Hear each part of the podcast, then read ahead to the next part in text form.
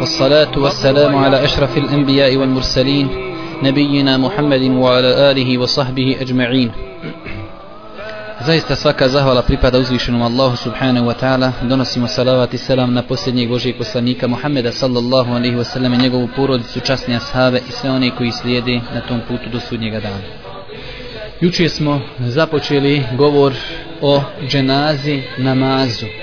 Sve do sad su bili propisi dženaze, a od juče smo počeli 13. poglavlje u knjizi Šeha Albanija, propisi dženaze, gdje smo počeli govoriti o propisima dženaze i namaza.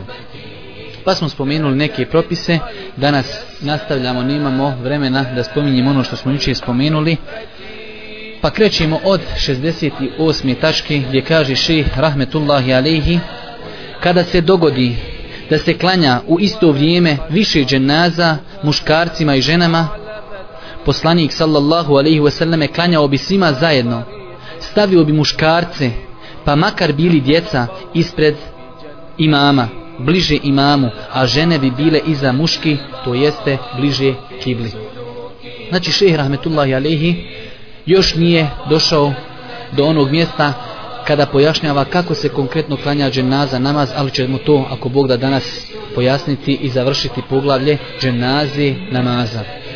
Pa govori situaciju kako se ponašati kada se u isto vrijeme klanja više dženaza.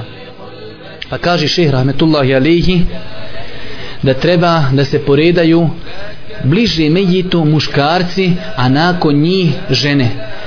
Pa on namjerno stavlja, pa makar ti muškarci bili i djeca. Znači, ako bi se desilo da preseli žena i njeno dijete, stavit će se dijete ispred imama, a nakon dijeta će se staviti žena. Da dijete bude bliže imamu, a da žena bude bliže kibli. Pa kaže šeh rahmetullahi alehi, o tome govore hadisi, spomenut ćemo dva od Nafije znači Nafija poznat je sluga Ibnu Omera da je Ibnu Omer radijallahu ta'ala anhu klanjao zajedno odjednom devet dženaza pa je stavio muškarce bliže imamu a žene bliže kibli. Njih je poredao u jedan saf stavio je dženazu Umu Kulthum kćerke Aline suprugu Omera radijallahu ta'ala anhu i njenog sina koji se zvao Zaid zajedno. Imam namjesnik je tada bio Sa'id ibn El-As kojeg smo juče spominjali. Među prisutnima su bili ibn Abbas Ebu Hureyre, Ebu Sa'id Ebu Katade pa je stavio dijete najbliži njemu ispred njega pa je rekao neki čovjek ja sam ukorio taj postupak pa sam pogledao u Ibnu Abbasa, u Ebu Hureyru, u Ebu Sa'ida, u Ebu Katadu i kazao sam šta je ovo pa su rekli to je sunnet. Hadis je zabilježi imam Nesai po uvjetima Buhari i muslima. Vidimo ovdje desilo se jedan čovjek, ashab, kada je vidio da je Ibnu Omer stavio dijete, nakon tog dijeta stavio njegovu majku, reagovo je a u prisutnima koji su klanjali dženazu bili su Ebu Hureyre, Ebu Sa'id, Ebu Katade. Pa se okrenuo ovaj čovjek njima, a namaz je predvodio ko? Ibn Omer. Pa se okrenuo njima, pa kaže šta je ovo? Pa su mu oni svi jednoglasno odgovorili, to je sunnet. Znači od sunneta je kada preseli muško i žensko i, i želi im se klanjati jedna dženaza, a govorit ćemo o tome može li se klanjati pojedinačno, ali ako želimo klanjati zajedno, onda će se muškarci staviti pred imama, a nakon muškaraca će se staviti žene, pa makar muškarci znači bili i djeca. Također, na ovaj propis ukazuje drugi hadis, o istom događaju samo drugi ashab prenosi Kaže, bio sam na dženazi Umu Kulthum i njenog sina. Znači, Umu Kulthum to je bila čerka Alije, a žena Omera radijallahu ta'ala na preselila i preselio je njen sin koji se zvao Zid. On kaže, bio sam na dženazi Umu Kulthum i njenog sina. Pa je stavljeno dijete pred imama, a žena iza dijeta. Pa je tako uklanjano. Pa sam to negirao. Među prisutnima su bili Ibn Abbas, Ebu Sa'id, Ebu Qatade, Ebu Hureyre. Pa sam ih pitao pa su kazali, to je sunnet. Hadis je zabilježio Ebu Davud, El Bejheqi imam en Nesai. Znači da rezimiramo, ako bi se desilo da se klanja u isto vrijeme dženaza za više osoba i među njima ima muškaraca i žena, muškarci će se poredati znači ispred imama a nakon ovaj muškaraca će se poredati žene dobro Šehr Rahmetullah Jalih je pojasnio da je dozvoljeno klanjati od jednom viši dženaza. Nakon toga u 69. tačci kaže ših dozvoljeno je da se svaku mejitu klanja posebno, pona osob, a to je osnova, tako je uradio poslanik sallallahu alaihi wasallam sa šehidima Uhuda. On kaže to je osnova. Dozvoljeno je klanjati svakom mejitu, kao što se praktikuje ovdje kod nas. Dozvoljeno je klanjati svakom mejitu pona osob, kaže zato što je Boži poslanik sallallahu alaihi wasallam klanjao šehidima Uhuda pona osob svima. Prenosi se da je Boži poslanik sallallahu alaihi wasallam klanjao Hamzi, a zatim je klanjao ostalim tako što su, što su stavljani kraj Hamzi i klanjao bi zajedno sa njima i Hamzi i njima pa je klanjao 72 puta hadis je zabilježio imam et taberani zaista imen je malo nejasno zato imene nemojte pitati kako se spaja između ovih hadisa pošto ima hadisa da Boži poslanik nije klanjao nikom osim Hamzi dok u ovom hadisu koji je vjerodostojen stoji da je klanjao Hamzi nakon toga je klanjao svaku masabu pojedinačno ali tu je bio Hamza, pokraj njega bi stavio još jednog sahaba pa bi njima dvojici zajedno klanjao. Pa bi sklonili jednog sahaba i donijeli bi drugog i tako da je Boži poslanik sallallahu alaihi wasallam svakom klanjao pojedinačno. Ovom pitanju, kada pogledamo knjige prava, vidjet ćemo da islamski pravnici imaju tri stava.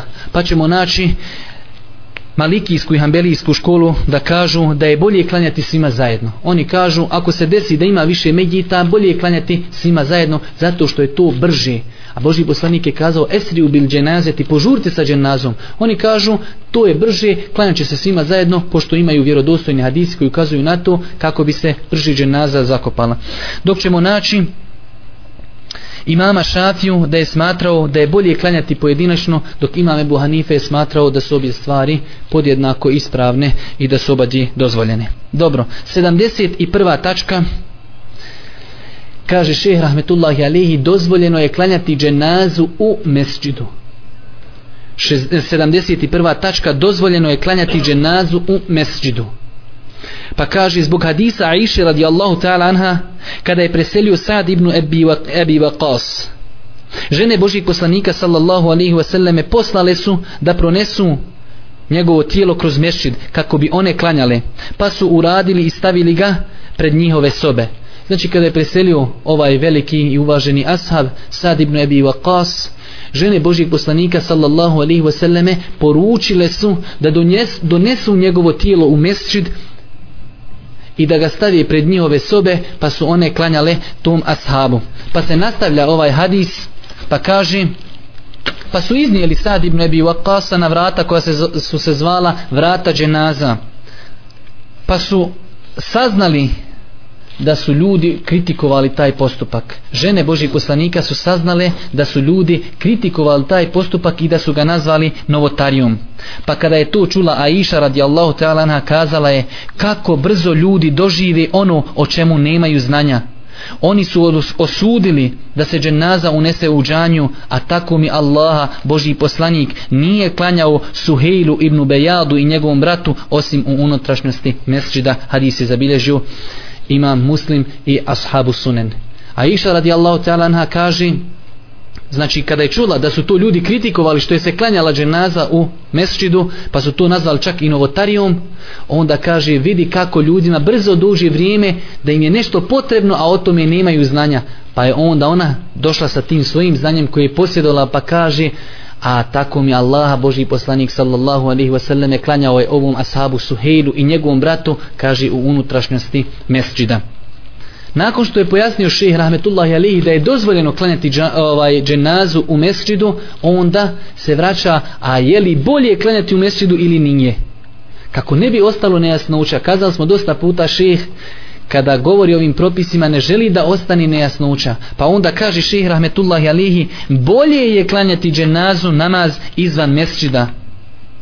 Bolje je klanjati na mjestu pripremljenom za obavljanje dženaza kao što je bilo za života Božijeg poslanika. I to je bila većinska praksa Božijeg poslanika. On kaže znači da je bolje klanjati dženazu iza mesrida i da je to bila većinska praksa Božijeg poslanika da se odredi jedno mjesto kao što ćemo vidjeti iz hadisa na kojim će se klanjati dženaze. I on kaže da je to preći da se na takvom mjestu klanja i to je bila većinska praksa. Jer vidimo ovdje ashabi su kritikovali što je se klanjalo u mesčidu zato što do njih nije došao taj jedan hadis da je Boži poslanik sallallahu alaihi wasallam klanjao u mesidu. ali je to dozvoljeno, ali je većinska praksa Božijeg poslanika bila da je klanjao na musalli koja je bila pripremljena samo za klanjanje dženaza. Pa će šehr rahmetullahi alaihi spomenuti argumente koji ukazuju na to da je za vrijeme Božijeg poslanika sallallahu alaihi wasallam postajalo mjesto musalla pripremljeno samo da bi se tu klanjalo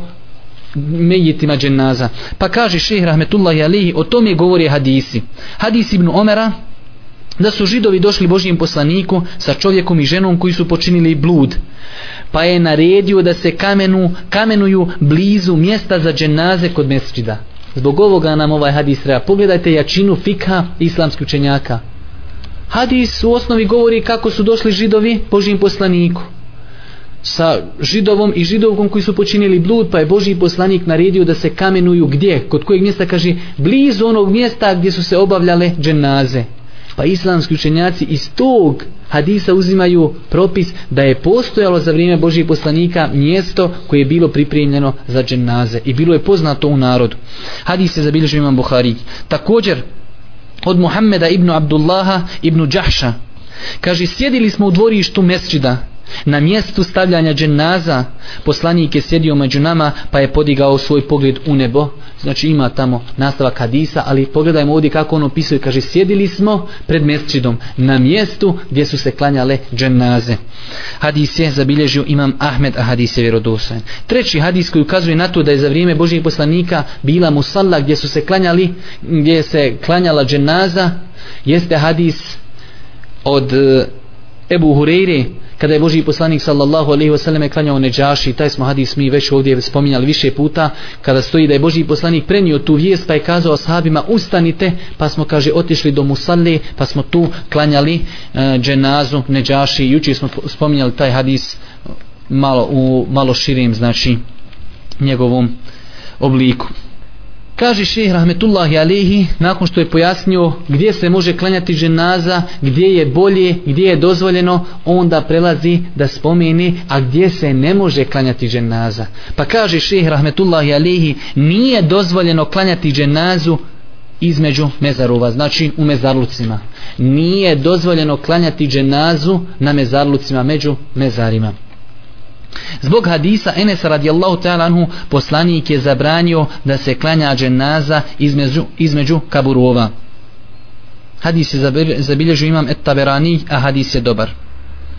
Također kaže šehr Rahmetullahi alihi ovom svjedoče i mnogi drugi hadisi, općeniti hadisi gdje je Boži poslanik zabranio da se klanja na kaburima.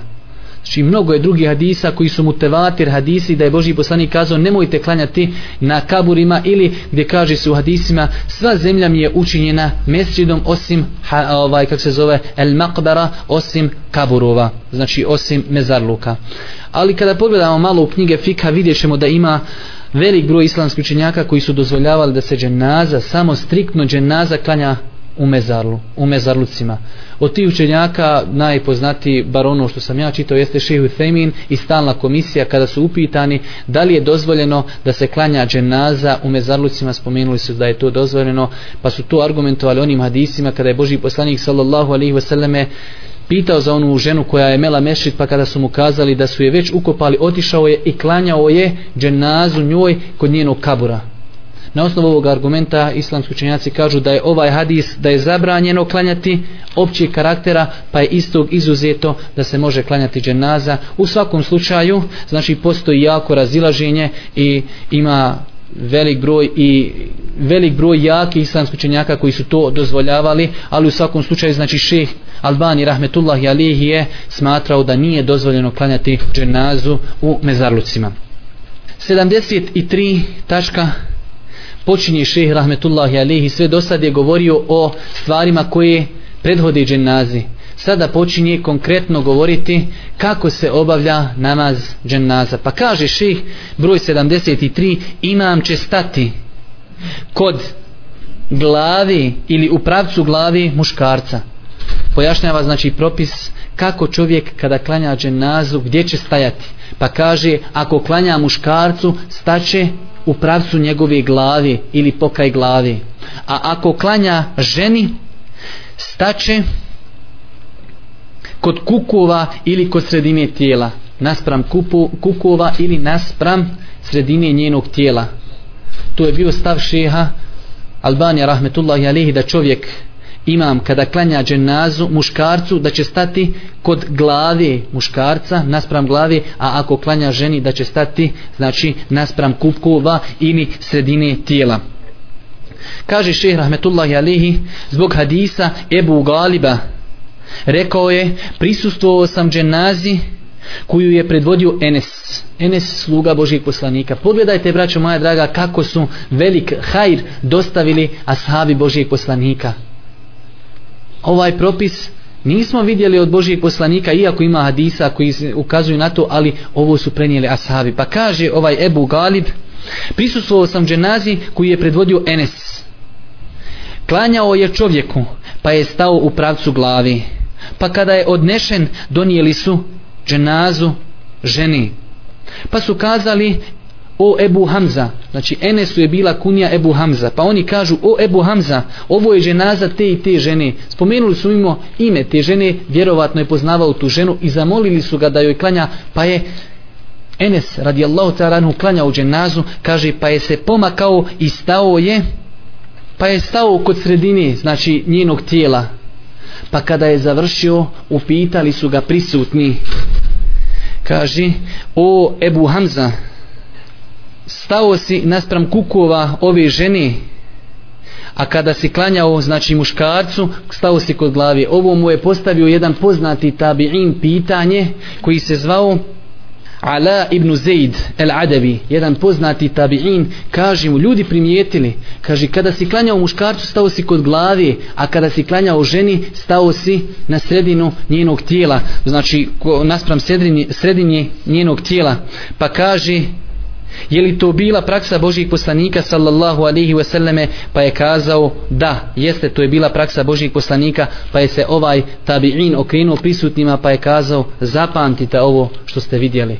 Znači zapamtite kakva je praksa Božijeg poslanika sallallahu alaihi wasallame znači pošto je Enes radijallahu ta'ala anhu potvrdio da je to bila praksa Božijeg poslanika da kada se klanja ženi da se staje znači naspram kukova, naspram sredini tijela a kada se klanja muškarcu da se staje kod glavi. Drugi hadis, ovaj hadis je zabilježio imam Ebu Davud i Tirmizi, a hadis je dobar.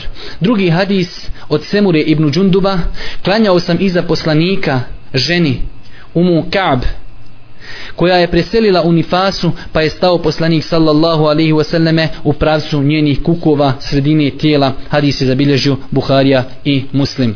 Znači vidimo da i ovaj hadis potvrđuje to da kada se klanja dženaza ženi, znači za imama je sunnet da stane na sredini tijela a kada je u pitanju muškarac da se staje kod glavi treba spomenuti da ovo što je spomenuo šeh rahmetullahi alehi da je to stav šafijske pravne škole jedna preda od imama Ahmeda stav imama Ševkanja i stav šehu Femina, rahmetullahi alehim također šeh rahmetullahi alehi pošto je bio veliki poznavalac hanefijskog fikha, nekada on u fusnotama spomeni neke stvari vezane za hanefijski fik, pa nekada je korisno da to spomenimo. Kaže šeh, Rahmetullahi Alehi, prenešeno je od Ebu Hanife i od njegovog velikog učenika Ebu Jusufa da su smatrali ovako, znači da je ispravno. Dok hanefijski mezheb Hanefijski mezheb je znači da čovjek staje negdje otprilike kod mjesta srca čovjekovog, ovaj bez razlike da li bilo muško ili žensko ali znači preneseno je od imama Ebu Hanife, Ebu Jusufa i imama Tahavije da su ovaj smatrali ovo što je preferirao ših Albani rahmetullahi alihi. Ovdje možemo spomenuti jednu korist koju nismo prije spominjali, a to je kada, kada se klanja dženaza namaz da je propis isti za muškarce i za žene u kojim smislu da mogu i žene prisustvovati dženazi namazu i ako bi se zadesilo da žena prisustuje dženazi namazu nema nikakve smetnje da žene stanu iza muškaraca i da one klanjaju dženazu. Ono jest da to nije praksa ni kod nas ni u arapskom svijetu, ali ako bi se desilo da žena se zadesi na takvom nekom mjestu gdje može klanjati dženazu, nema nikakve smetnje, pošto znači vidjeli smo iz hadisa Aisha radijallahu ta'ala da su one klanjale dženazu Sad ibn Abi Waqasu, a osnova je u propisima da nema razlike između muska, muškaraca i žena sve dok ne dođu argumenti koji izuzimaju jednu od ove dvije skupine. Tako znači kao što je propisano klanjanje dženazi muškarcima, dozvoljeno je znači i ženama da klanjaju dženazu. Dobro, 74 šeh počinje govoriti o kakvoći namaza pa kaže prilikom dženazi namaza onaj ko klanja ili imam donijeće 4, 5 pa do 9 tekbira. Onaj ko klanja dženazu donijeće 4, 5 pa do 9 tekbira. Ovo su riječi šeha Albanija rahmetullahi alihi pa kaže sve to je prenešeno od Božijeg poslanika sallallahu alihi wasallame i kako god da uradi insan ispravno je postupio sve to je prenešeno od Božijeg poslanika i kako god da bi čovjek uradio ispravno je postupio pa on to pojašnjaje. Nekada će uraditi ovako a nekada onako. Kao što je slučaj sa početnom dovom u namazu načini tešehuda salavati.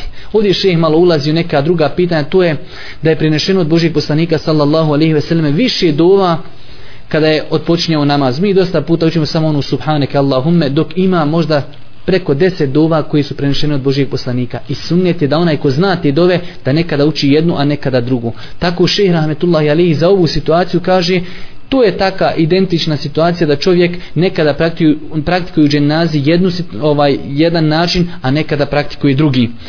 Ali pazite kako završava ovi riješi pa kažem a ako bude neophodno da neprestano klanja na jedan način onda je najbolje da klanja sa četiri tekbira jer je to naj, jer o tome najviše hadisa govori.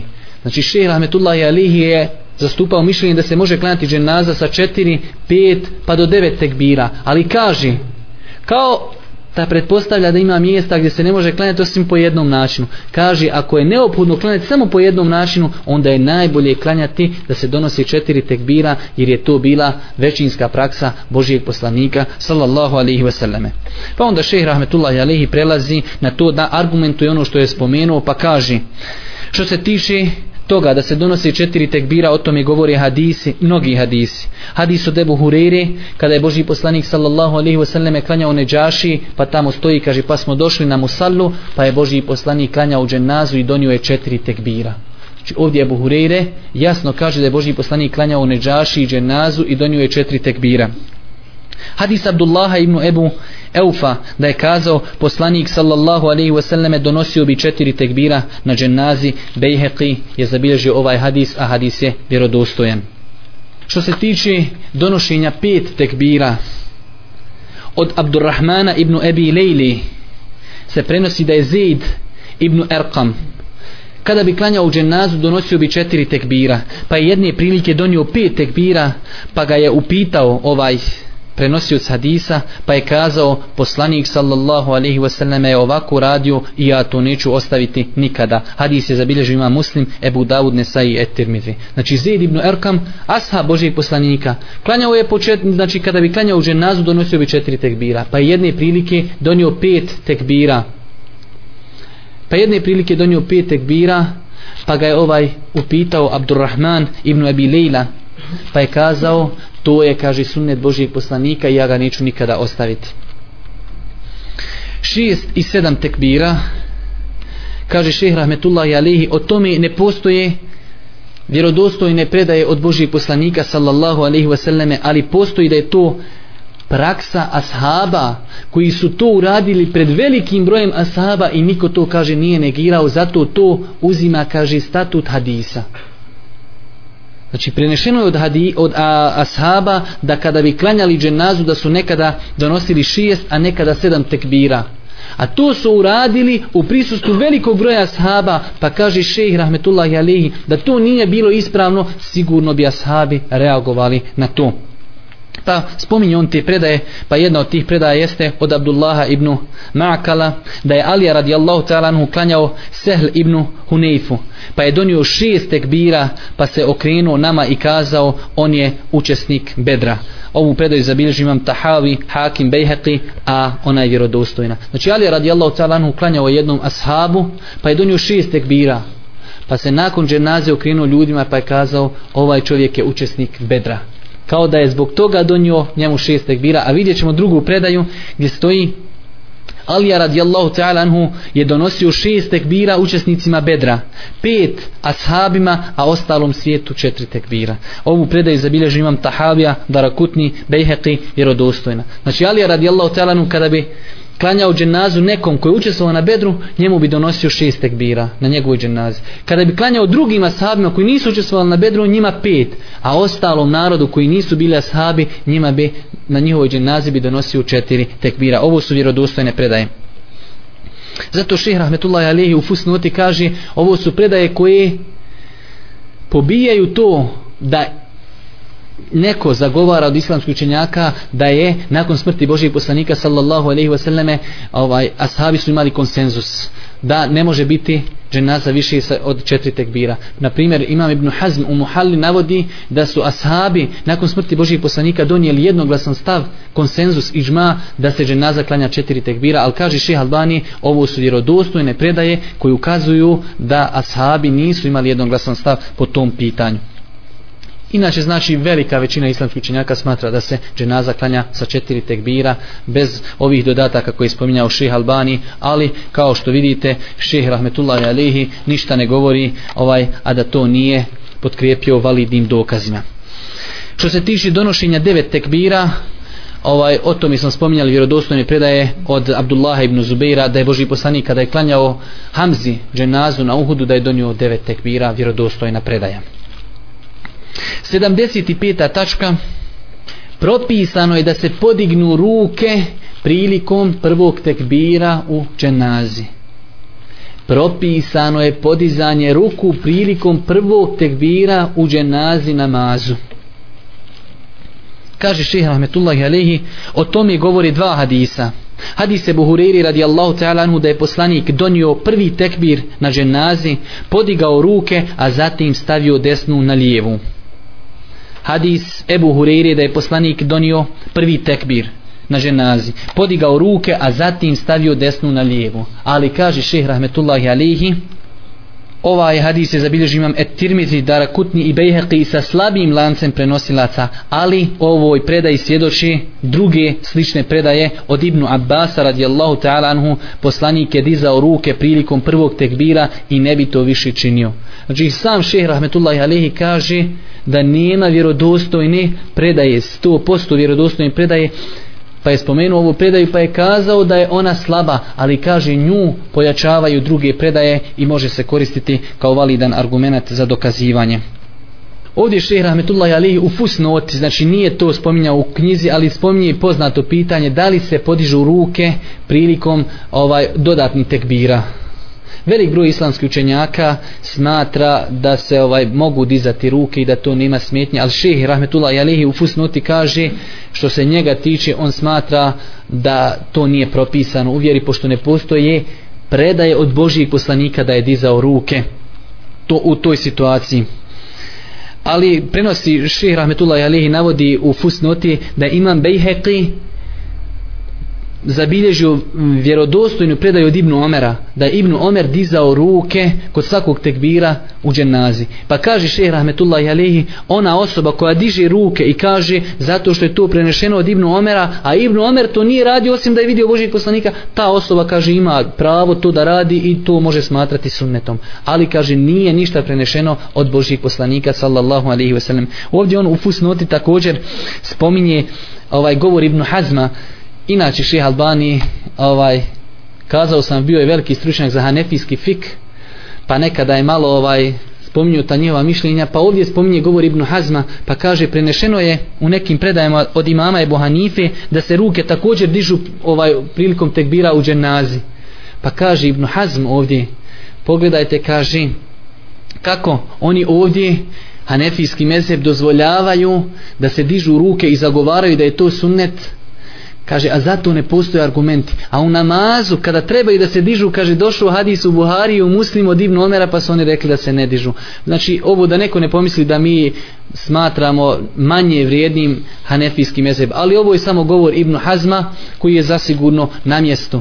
Koji je zasigurno na mjestu, ali čovjek treba da traži izgovor, znači lijep izgovor tim učenjacima, možda oni nisu u to vrijeme znali za te hadise, znači govorili su na osnovu onog hadisa koje su poznavali, ali nakon toga su došli, došli ljudi koji su preuzeli te mezhebe, ali ni po koju cijenu nisu htjeli da ostave mišljenje imama. Iako svi ti imami su kazali, ako nađete vjerodostan hadis, to je moj mezheb. Ali tako ti su ljudi prihvatili te stvari. I sam Ibn Hazm kaže pogledajte ovdje kontradiktornost a spomenut ćemo još jednu tu kontradiktornost koju je spomenuo Albani. Kaže pogledajte u dženazi i u Bajramu podižu ruke a nema vjerodostojnog argumenta a u namazu ne podižu ruke a hadis u Buhari i muslimu. Spomenut ćemo još jednu stvar ako Bog da poslije kada bude govora o učenju Fatihe.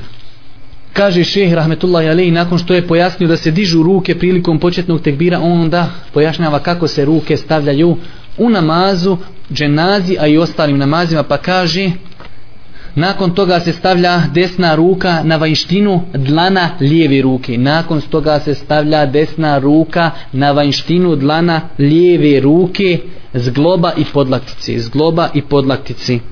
Evo ovako.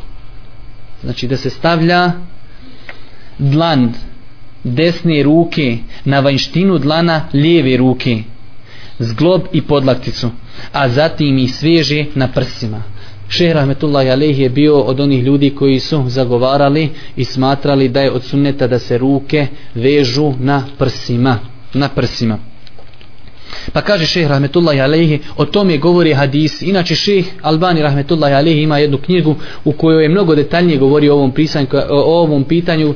Knjiga se zove Sifatu salati nebi, svojstva, Božih poslan, e, svojstva namaza Božih poslanika. I on je tamo mnogo opširnije govorio kako se dižu ruke, gdje se vežu, ali ovdje je vjerovatno koristi radi ovaj spomenuo ta pitanja po drugi put. Pa kaže, o tome govori hadisi, hadis od Ibnu Abbasa.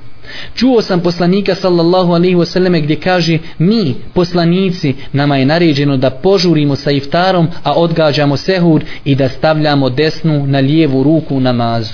Prvo što je argumentovao šeh jeste da se desna stavlja na lijevu. To je ovaj argument, on ukazuje da se stavlja desna ruka na lijevu. Ali nije spomenuo na prsa. Znači prvo šeh donosi argument da se stavlja desna ruka na lijevu. Ovaj hadis je zabilježio imam Ibn Hibban Taberani, a hadis je vjerodostojan po šartima muslima.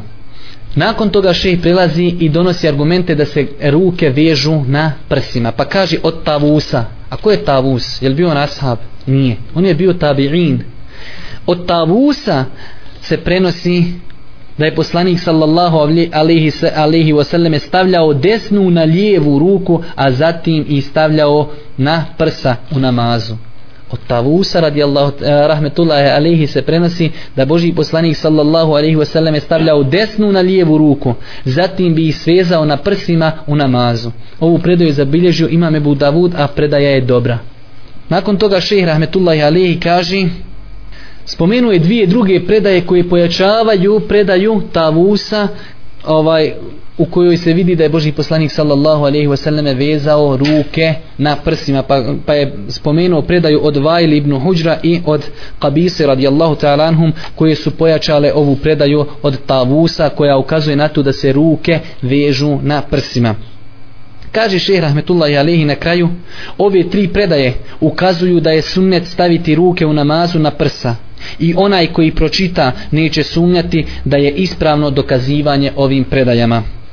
Pa nastavlja šeheh rahmetullahi alehi po svom običaju volio je on nekada te stvari spominjati a kaže a što se tiče vezanja ruku ispod pupka ono je kaže neosnovano po svima, čak je to spomenuo imam Ennevovi i jedan veliki hanefijski učenjak, znači hadijski učenjak Zeile'i koji je kazao ovaj, da hadisi koji govori o tome da je Boži poslanik vezao ruke ispod pupka da su ti hadisi ništavni po većini znači islamskih muhadisa čak ima nevi kaže po svim hadijskim ekspertima ti hadisi su slabi Ovdje možemo spomenuti jednu stvar koju nije spomenuo šeh, a to je da za ispravnost dženazije potrebni su svi uvjeti koji su potrebni i za obični namaz. Pa tako potrebno je da čovjek donese nijet, da ima abdest, da se okrine prema kibli, pokrivanje stidnih mjesta, čistoća odjeće i mjesta gdje će se klanjati. Sve ove stvari znači šeh nije spominjao, vjerovatno smatrajući da to narod poznaje, ali koristi radi znači svi uvjeti koji su potrebni za namaz, drugi, svaki drugi namaz potrebni su i za dženazu namaz. Kaže šehr Rahmetullahi Alihi 77. tačka nakon tekbira proučit će Fatihu i suru. Počinje šehr Rahmetullahi Alihi da govori konkretno kako se klanja dženaza namaz pa kaže nakon prvog tekbira proučit će Fatihu i suru. Zbog hadisa Talhe ibn Ubejdillaha te kaže klanjao sam iza ibn Abbasa dženazu pa je proučio Fatihu i suru. Učio je na glas tako da smo ga čuli. Pa kada je završio uzeo sam ga za ruku i upitao pa je kazao ja sam učio na glas da bi znali da je to sunnet i istina. Hadis je zabilježio imam Buharić Ebu Davud Ennesaić i Etirmizić znači ovaj prenosioc ovog hadisa kaže klanjao sam za Ibnu Abbasom dženazu pa je proučio Fatihu i suru učio je naglas tako da smo ga mi čuli oni koji su klanjali iza njega. Pa kada je završio uzeo sam ga za ruku i upitao pa je kazao ja sam učio naglas da bi znali da je to sunnet i da je to istina. Hadis je zabilježio imam Buharić i ostali. Ovdje se vraća jedno pitanje o kojem govori šeha Ahmetullahi Alihi, a to je kada ashab kaže da je nešto od sunneta. Mi smo to inša inšala ovdje dosta puta pojasnili, ali zbog ovaj oni koji nisu to nekada slušali i zbog toga što je to ših spomenuo kaže ših Rahmetullah alihi većina učenjaka usula pošto je to usulska mesela kaže kada ashab rekne od sunneta je to i to, ta stvar uzima propis hadisa Božijeg poslanika sallallahu alaihi wasallam pa kaže šejh, a to je bio stav hanefijske pravne škole. Šta je bio stav hanefijske pravne škole? Kada ashab kaže od sunneta je to i to, kao da je rekao, rekao je Božji poslanik sallallahu alaihi wasallam. Znači isti statut. Pa nakon toga, kaže šeheh rahmetullahi alihi, govori o hanefijskom mezhebu opet, pa kaže pogledajte hanefijski mezheb u prvim njihovim knjigama znači najstarijim knjigama oni su govorili da se uči subhaneke na prvom rekiatu bez fatihe subhaneke. Pa kaže poslije kada su došli malo neki drugi učenjaci kada je prošlo malo vremena onda su shvatili da je to kaže mišljenje mnogo u kontradiktornosti sa sunnetom pa su kazali može se kaže učiti fatiha ali kao vid dovi ali ne kao ovaj kao fatiha. Pa kaže šehr Rahmetullahi Alihi u tom njihovom mišljenju imaju dvije greške. Prva stvar, ostavili su rad po onome što su sami kazali da treba raditi po tome. Jer kaže Ibn Abbas, to je sunnet. I vaš mezheb kaže da kada ashab kaže da je to sunnet, da potom tome treba raditi. Da je to uzima statut hadisa. Kaže, prvo ste tu pogriješili što ste ostavili tu predaju. A druga greška, došli ste da se uči subhaneke, a to, kaže, nema nikakve osnove u islamu. To što ste došli, kaže se subhaneke, otkud vam to da subhan... Dajte argument koji ukazuje da se na prvom rekiatu uči subhaneke. Kaže, napravili ste dvije greške. Tako ovaj šeh Rahmetullah Alihi je bio veliki poznavalac hanefijskog mezheba. Pa kaže šeh Rahmetullah Alihi, Na osnovu ovog hadisa, gore spomenuko, spomenutog Ibnu Abbasa, Imam Nevevi je spomenuo da je lijepo proučiti suru nakon Fatihe, ali kraću. Imam Nevevi govori, komentarišući ovaj hadis Ibnu Abbasa, da je on proučio Fatihu, pa proučio suru koju su čuli ashabi za njega. Pa kaže imam nevevi, lijepo je da se prouči Fatiha i kraća sura. Pa šej Albani sada ovo komentarče, što je, Alba, što je šej nevevi kaz, imam nevevi kazao kraća sura. Kaže, zato ne postoji argument. Ibn Abbas je učio Fatihu i suru, što znači može svaka druga sura, ali kaže opet, tražeći izgovor imamu Neveviju, on kaže, ako je po tim smatrao da treba kraću suru učiti zato kako bi se što brže završila dženaza, kaže, to je u redu. Ali kaže, na to hadis ne upućuje. Dobro, nastavljamo. 78. tačka. Kirajet u dženazi namazu će biti u sebi. Kirajet u dženazi namazu je u sebi zbog hadisa Ebu Umami ibn Sehla gdje kaže sunnet je na dženazi da se uči nakon prvog tekbira Fatiha. Tiho u sebi zatim donesu još tri tekbira i da se preda selam nakon zadnjeg. Hadis je zabilježio imam Nesai a hadis je vjerodosten znači ovaj ashab kaže Ebu Umame ibn Sehl sunnet je na dženazi da se uči nakon prvog tekbira Fatiha. Tiho u sebi zatim donesu još tri tekbira i da se preda selam nakon zadnjeg Kaže šeh Rahmetullahi Alihi, nakon što je pojasnio da se donosi prvi tekbir, pa se uči fatiha, pa se uči sura, pa kako se uči da se to uči u sebi, nakon toga kaže 79. tačka, zatim će se donijeti drugi tekbir, a zatim donijeti salavati na poslanika sallallahu alihi wasallam. Nakon što se donese drugi tekbir, donosi se salavati na Božijeg poslanika sallallahu alihi wasallame zbog hadisa Ebu Umami da je čovjek, jedan od ashaba Božijeg poslanika kazao od sunneta je prilikom dženazije namaza da imam donese tekbir, zatim uči fatihu u sebi, zatim donese salavat na poslanika sallallahu alaihi wasallame, a zatim uputi od srca dovu za medjita. Znači da rezimiramo, Ših rahmetullahi Alehi kaže 79. tačka nakon drugog tekbira se donosi salavati na Božih poslanika sallallahu alihi wasallame I sam šehr Rahmetullahi Alehi kaže ti salavati se ni u čemu ne razlikuju od salavata koji se uči u namazu. Znači identični ni salavati koji se donose uče u namazu, takvi salavati se donose i u dženazi. Zbog hadisa Ebu Umami da je čovjek, jedan od ashaba Božih poslanika kazao od sunneta je prilikom dženazi da imam donese tekbir, zatim uči fatihu u sebi, zatim donese salavat na poslanika, zatim uputi od srca dovu za mejita. 80. tačka nakon toga će donijeti ostali tekbire i učiti iskreno dovu za mejita nakon što čovjek donese salavate donijeće treći tekbir i tada će iskreno donijeti dovu za mejita Ovdje možemo spomenuti to šehr Rahmetullah Alije nije spomenuo kakav je propis učenja dove. Znači velik broj islamskih učenjaka smatra da je učenje dove rukn za ispravnost, znači šart, uvjet za ispravnost dženazi to šeh Rahmetullahi Alihi nije spominjao, ali znači koristi radi po velikom broju islamskih učenjaka obaveza je proučiti dovu. Dok ima učenjaka neki koji kažu da je to sunnet. Zbog hadisa Ebu Hureyre, kada klanjate dženazu, iskreno dovu za Migita uputite. Hadis je zabilježe Budavud, Ibn Mađe i Bejheqi. Znači, nakon što se donese treći tekbir, ovaj propisano je učenje dove za Mejita na osnovu hadisa Ebu Hureyre kada klanjate ženazu iskreno dovu za Mejita uputite.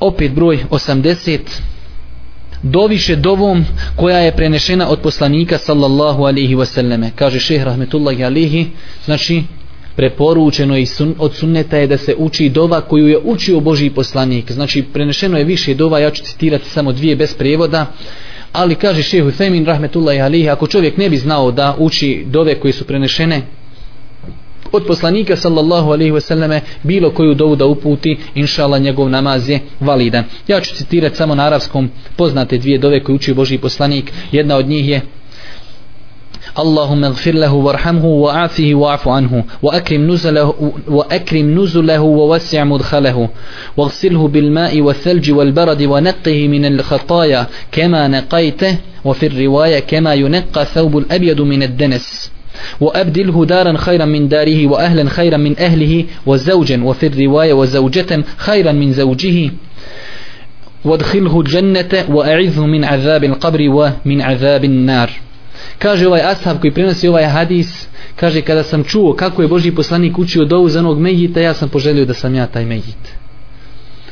Tako znači nakon otprilike Boži poslanik sallallahu alaihi ve selleme moli Allah subhanahu wa ta'ala da oprosti insanu da mu podari ovaj širinu u tom nekom kaburu da ga očisti od grijeha da mu podari e, ženu bolju od njegove žene kuću bolju od njegove kuće porodcu bolju od njegove porodice da ga sačuva kaburskog azaba i da ga sačuva od vatri I još jedna dova koja je također prinešena u vjerodostunom hadisu od Ebu Hureyre gdje kaže Boži poslanik Allahumme gfir li hajjina wa li mejjitina wa šahidina wa gaibina wa sagirina wa kabirina wa zekerina wa umthana Allahumme men ahjejtehu minna fa ahjihi ala l-islam wa men tawafejtehu minna fa tawaffihi ala l-iman Allahumme la tahrimna ejrahu wa la tadilna ba'dahu Hadis je zabilžima Ebu Dawud i a hadis vjerodostojen 80 72. i druga stvar tačka jeste kaže še propisana je dova nakon zadnjeg tekbira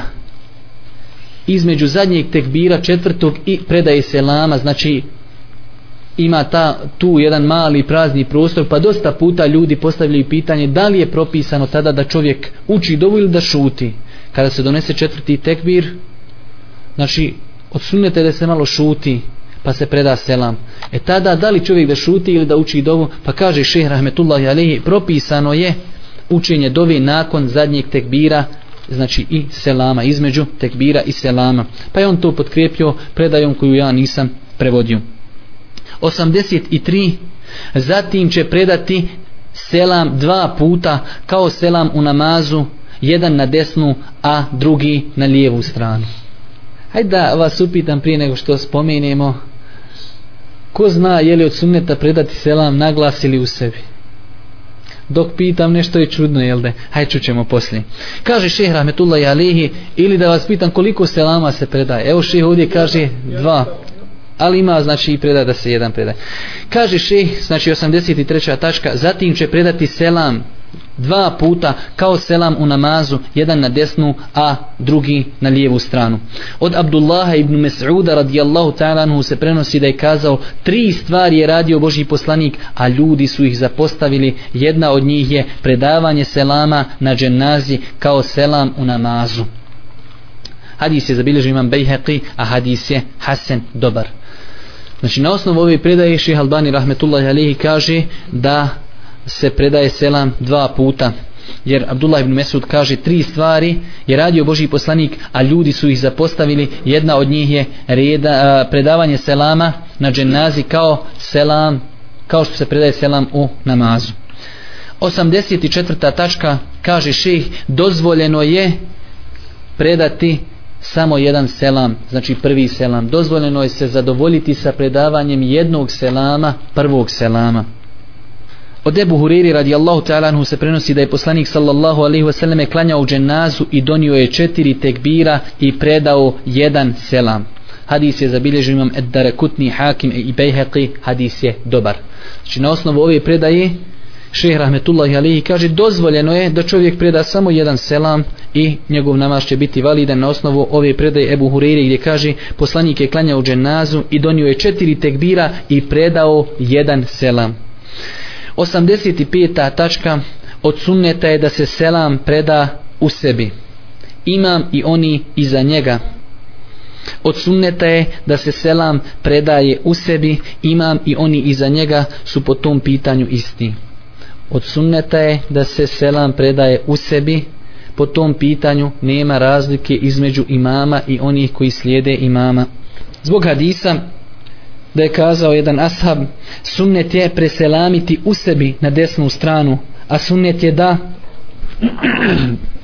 i oni iza imama urade kao i imam sunnet je preselamiti u sebi na desnu stranu a sunnet je da i oni iza imama urade kao imam i zadnja tačka i time ćemo ako Bog da završiti večerašnje predavanje 86. tačka jeste da kaže šeh rahmetullahi alihi nije dozvoljeno klanjati dženazu u tri vremena kada je zabranjeno klanjanje kada je zabranjeno klanjati osim ako postoji za to potreba ili nužda.